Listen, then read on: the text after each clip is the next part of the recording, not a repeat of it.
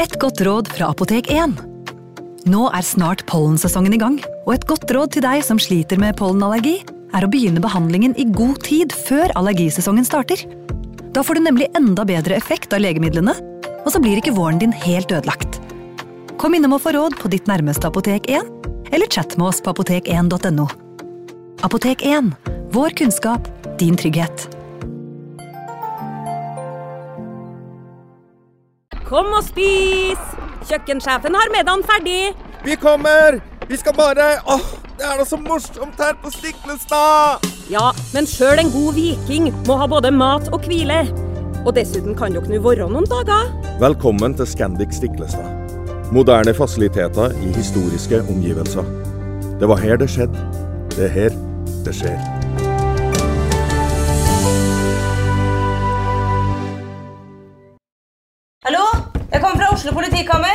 Ine Jansen er purk. Er du purk? The motherfucking bitch. Alt jeg vil, er å finne ut hva som skjedde med mannen min. Jon Carew. Er jeg sikta for noe? Iben Akeli. Det er du.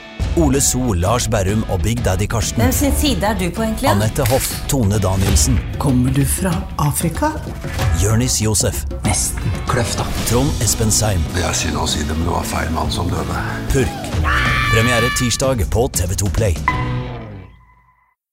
Advarsel.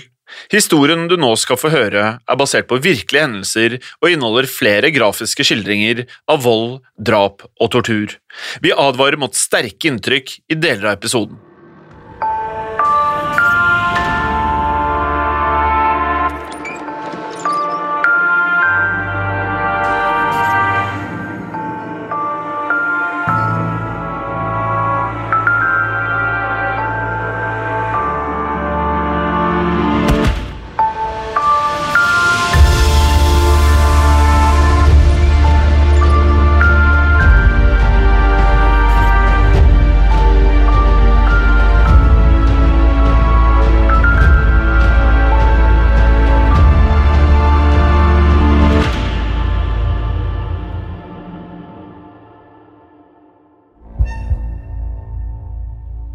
Terry Lemoyne var overbevist om at hun endelig hadde møtt drømmemannen da hun traff Sean Gillis.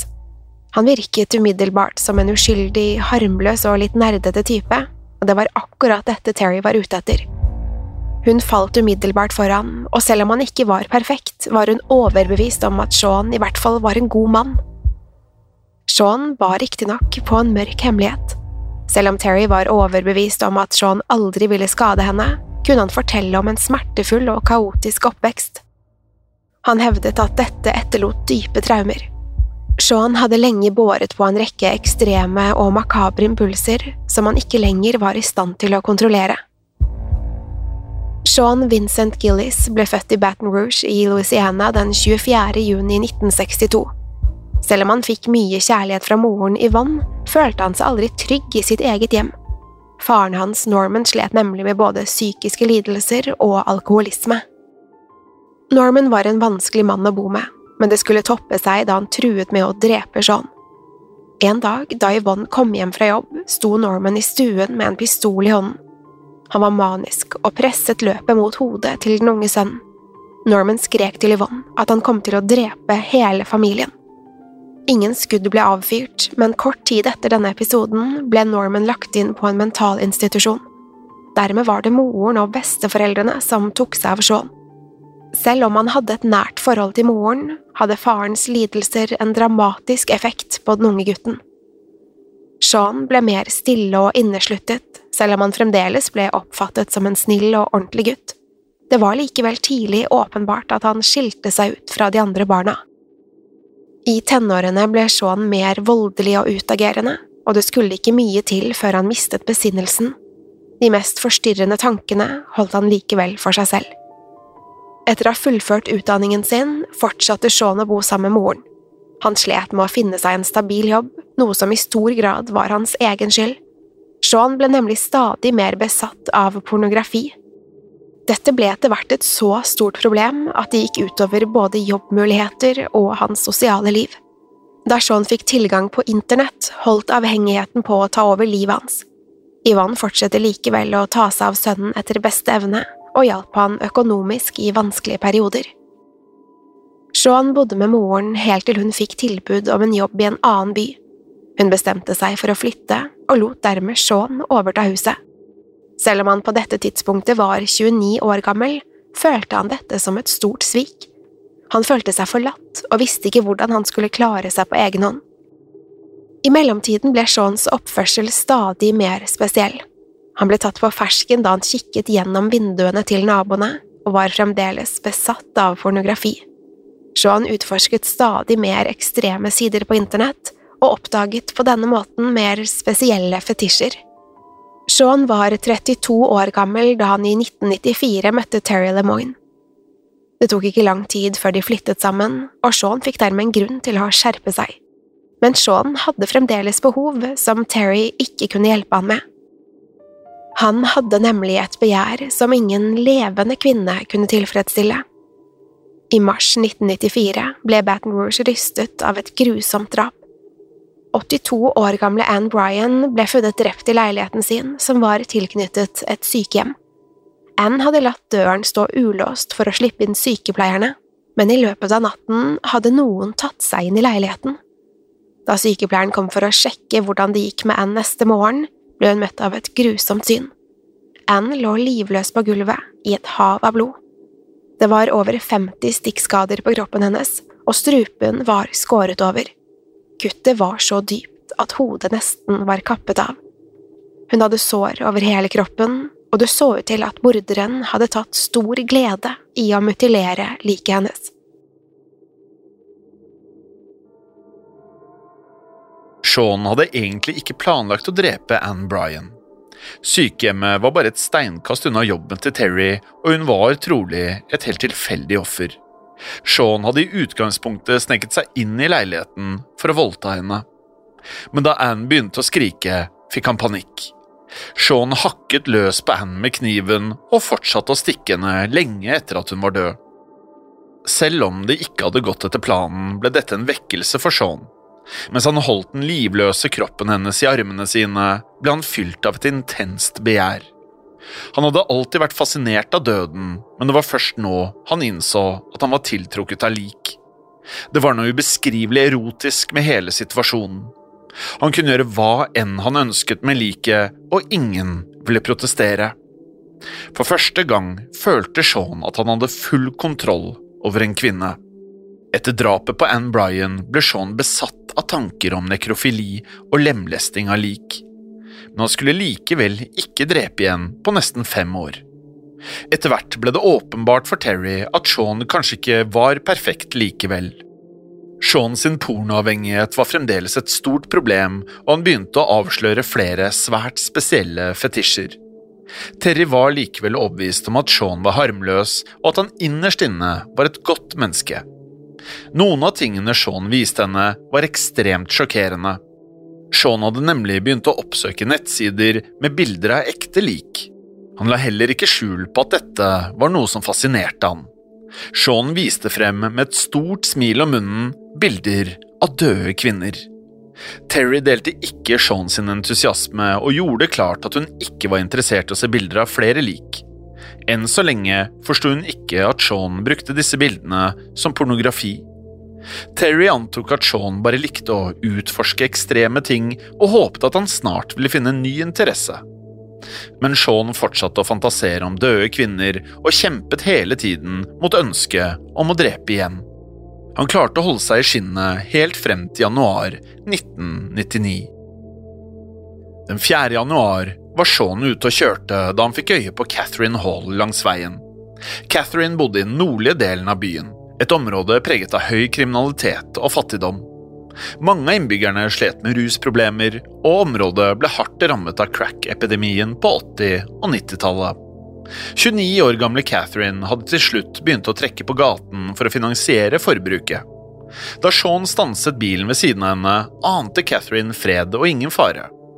Sean så ut som en normal person og neppe var ute etter å lage bråk. Catherine satte seg derfor inn i bilen hans, hvor Sean spurte hvor mye det kostet for oralsex. De ble raskt enige om en pris, men da de hadde kjørt et lite stykke, ble Sean mer aggressiv. Da Sean stanset bilen, grep han tak i Catherine og festet en nylonstrips rundt halsen hennes. Sean prøvde å stramme til, men Catherine kjempet imot. Hun fikk revet seg løs og åpnet døren. Catherine la på sprang, men Sean tok henne igjen. Han slo henne i bakhodet, og Catherine falt om på bakken. Catherine rakk aldri å komme seg på føttene. Sean kvalte henne for han gikk løs på henne med en kniv og stakk henne 16 ganger. Catherine lå der livløs, men Sean var fremdeles ikke tilfredsstilt. Han rev av henne klærne før han fortsatte å lemleste kroppen hennes. Catherines lik ble snart funnet, og det var åpenbart for etterforskerne at dette ikke var et vanlig drap. Liket ble funnet i enden av en blindvei under et skilt som leste Dead End. Dette ble sett på som en morbid spøk, eller kanskje et budskap fra drapsmannen. Det var ikke gjort noe forsøk på å skjule liket, og det virket nesten som om Sean ville at Catherine skulle bli funnet. Det var utallige sår og skader på liket, og mange av dem var påført lenge etter at Catherine var død. Etterforskerne følte at dette måtte være utført av en mann med et spesielt hat mot kvinner. Angrepet var uvanlig brutalt og bar preg av ukontrollerbart raseri. Denne aggresjonen sto riktignok i sterk kontrast til den milde, forsiktige Sean Gillis. Etterforskerne følte at dette drapet var utført med selvtilliten til noen som hadde drept tidligere. Selv om dette kun var Seans andre drap på fem år, fryktet allerede politiet at morderen kom til å slå til igjen. På hjemmebane virket Sean stadig mer distansert, og Terry hadde begynt å frykte at han var utro. Hun jobbet nattskift i en dagligvarebutikk, som betød at hun ikke var hjemme før tidlig på morgenen. Sean kunne dermed jakte på nye ofre hele natten lang. Terry la merke til at Sean ofte var ute til tidlig om morgenen, og hun begynte å lure på hva som foregikk. Den merkelige oppførselen fortsatte, men Terry hadde ingen anelse om hva Sean egentlig gjorde. En morgen da han hentet henne på jobb, var det en nesten uutholdelig stank i bilen. Sean forklarte at han hadde kjørt på et dyr langs veien, og mente at det sannsynligvis var lukten av dyreblod. Terry ba han vaske bilen så fort som mulig, men tenkte ikke videre over hendelsen. Terry hadde ingen anelse om at Sean hadde kjørt rundt med et lik i bagasjerommet.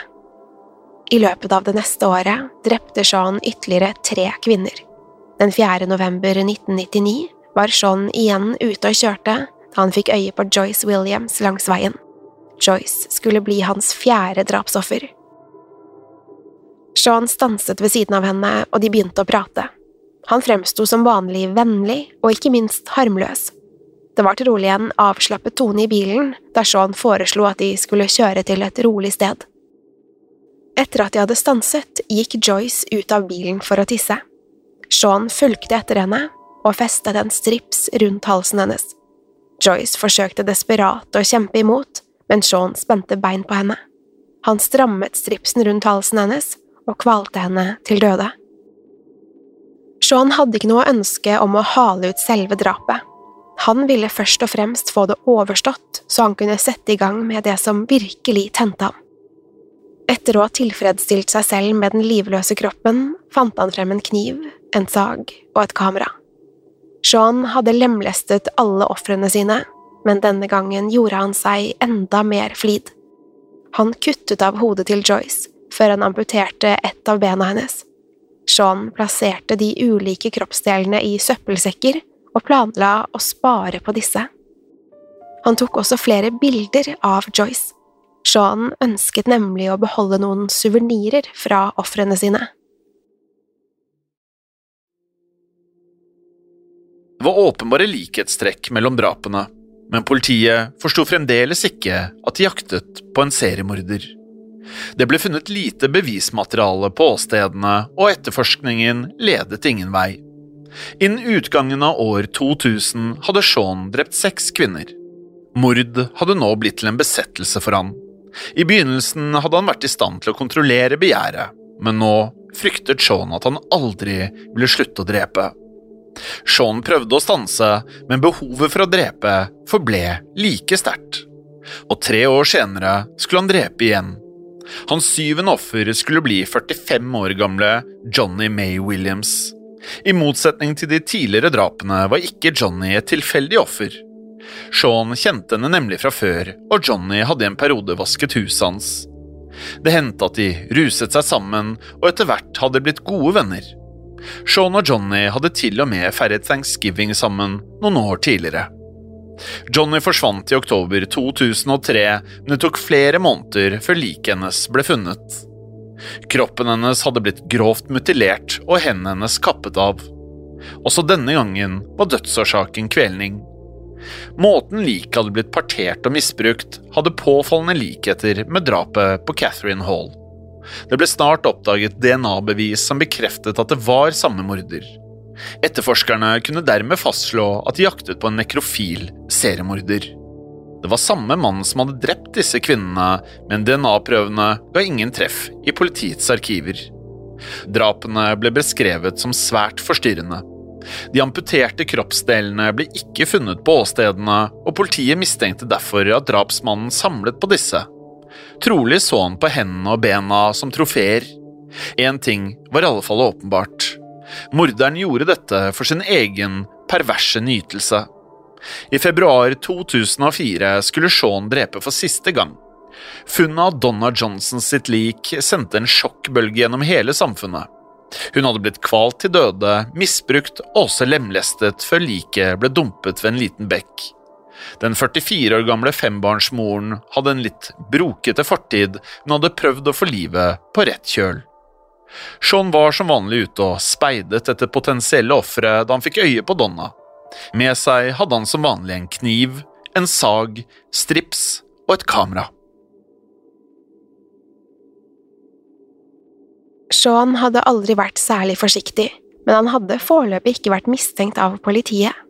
Denne gangen hadde han riktignok rygget bilen sin ned mot bekken, noe som hadde etterlatt dekkspor i gjørmen og det var slik Sean Gillis skulle bli avslørt. Sporene i gjørmen gjorde nemlig at politiet kunne fastslå dekktypen. De brukte denne informasjonen til å kutte ned listen over mistenkte.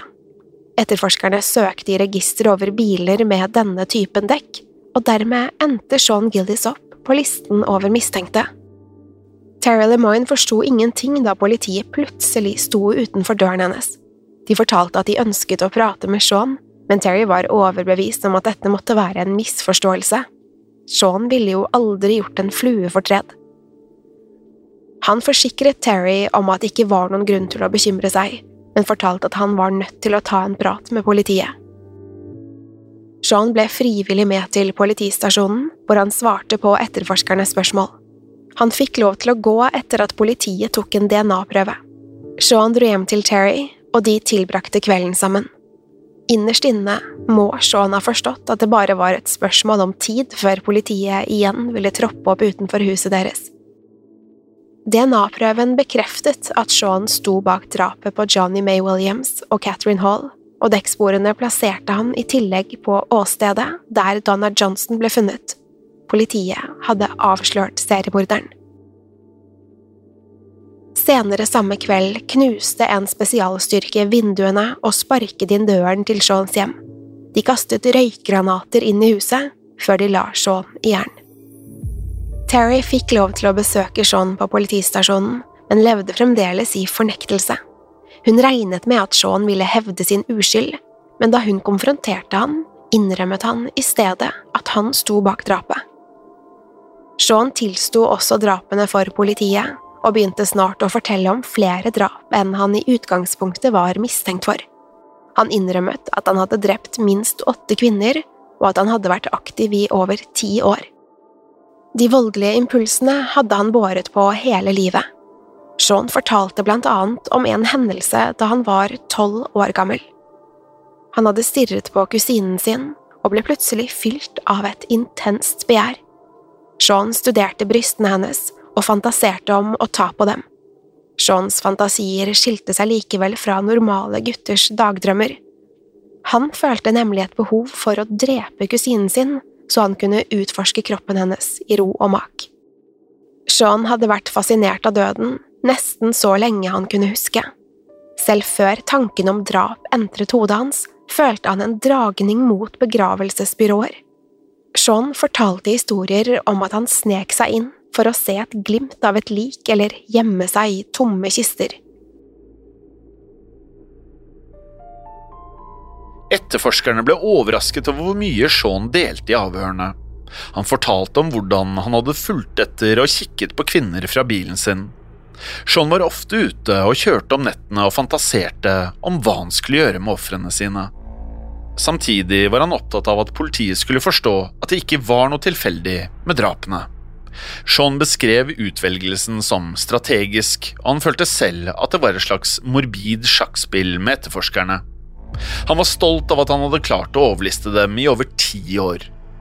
Sean hevdet først at han ikke var sikker på hvor mange han hadde drept. Han holdt nemlig ikke telling, og han var ikke selv opptatt av antallet. Snart kunne likevel politiet fastslå at det var snakk om i hvert fall åtte drap. Dette inkluderte tre kvinner han ikke hadde vært mistenkt for å ha drept. Selv om avsløringene kom som et sjokk på Terry, hadde Sean tatt med seg flere av likene til hjemmet deres. Her hadde han blant annet vasket de blodige kroppene og hadde til og med dusjet sammen med ett av likene. Sean parterte også noen av kvinnene i sitt eget hjem, men hevdet at han alltid var svært nøye med å vaske etter seg. Han kunne så oppbevare likene i bagasjerommet på bilen i flere dager før han bestemte seg for å dumpe dem. Politiet konfronterte Sean med hvorfor han hadde valgt å lemleste kroppene. Han kunne dermed bekrefte at han hadde spart på flere kroppsdeler og oppbevarte disse i hjemmet frem til de råtnet. Han beskrev blant annet måten han onanerte på med en av ofrenes amputerte hender.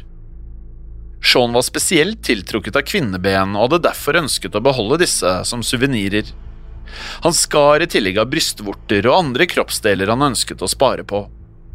Politiet hadde allerede avdekket at Sean var nekrofil, men de spekulerte også i at han hadde forsøkt å spise kvinnene. Under avhørene kunne Sean bekrefte at han hadde forsøkt å spise kjøtt fra benet til Joyce Williams. Sean så ut til å teste sine egne grenser og gikk stadig lenger i sine morbide eksperimenter. Sean erklærte seg skyldig i drapene og risikerte dermed å bli dømt til døden. Forsvarsadvokatene la vekt på den traumatiske oppveksten i et forsøk på å forklare hvorfor han ble en morder. De pekte på den voldelige og ustabile faren som hadde truet med å drepe Sean og moren hans. Sean fikk likevel ingen sympati fra dommeren eller juryen. Det var åpenbart at Sean Gillis var en forskrudd person som hadde drept for sin egen nytelse. Han fortalte selv at han lenge hadde klart å kontrollere begjæret, men at fascinasjonen for døde kropper til slutt tok overhånd. Dommen falt i juli 2008, og Sean ble funnet skyldig i overlagt drap. Han ble dømt til å sone resten av livet i fengsel. Det var trolig mer enn et erotisk begjær som fikk Sean til å drepe. Mange har påpekt at de brutale drapene og måten han forfulgte og jaktet på sine ofre, vitnet om en dyp forakt mot kvinner. Sean hadde aldri vært en stor eller sterk mann, men ved å drepe disse kvinnene var han endelig dominant og overlegen. På overflaten fremsto kanskje Sean som en forsiktig, snill og litt nerdete type, men bak denne fasaden skjulte det seg et monster. Vi skriver Sean Vincent Gillis inn i vår bok av syndere.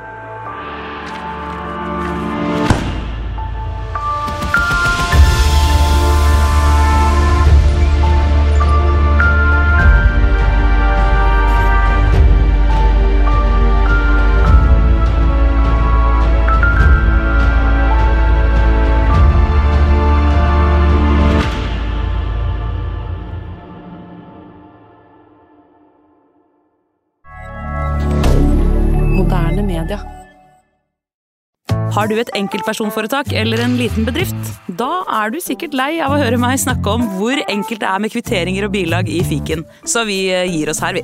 Fordi vi liker enkelt. Fiken superenkelt regnskap. Kiwi er billigst i VGs matbørs og har vært billigst i fire av de fem siste VGs matbørser. Og nå presser vi prisene på frukt og grønnsaker. På 200 gram broccolini setter vi prisen til 24,90. På 400 gram Cevita blåbær setter vi prisen til 49,90. Og husk, alle Kiwi Pluss-kunder får i tillegg 15 trumfbonus på all fersk frukt og grønt. For det er vi som er prispresserne. Og vi i Kiwi gir oss aldri på pris.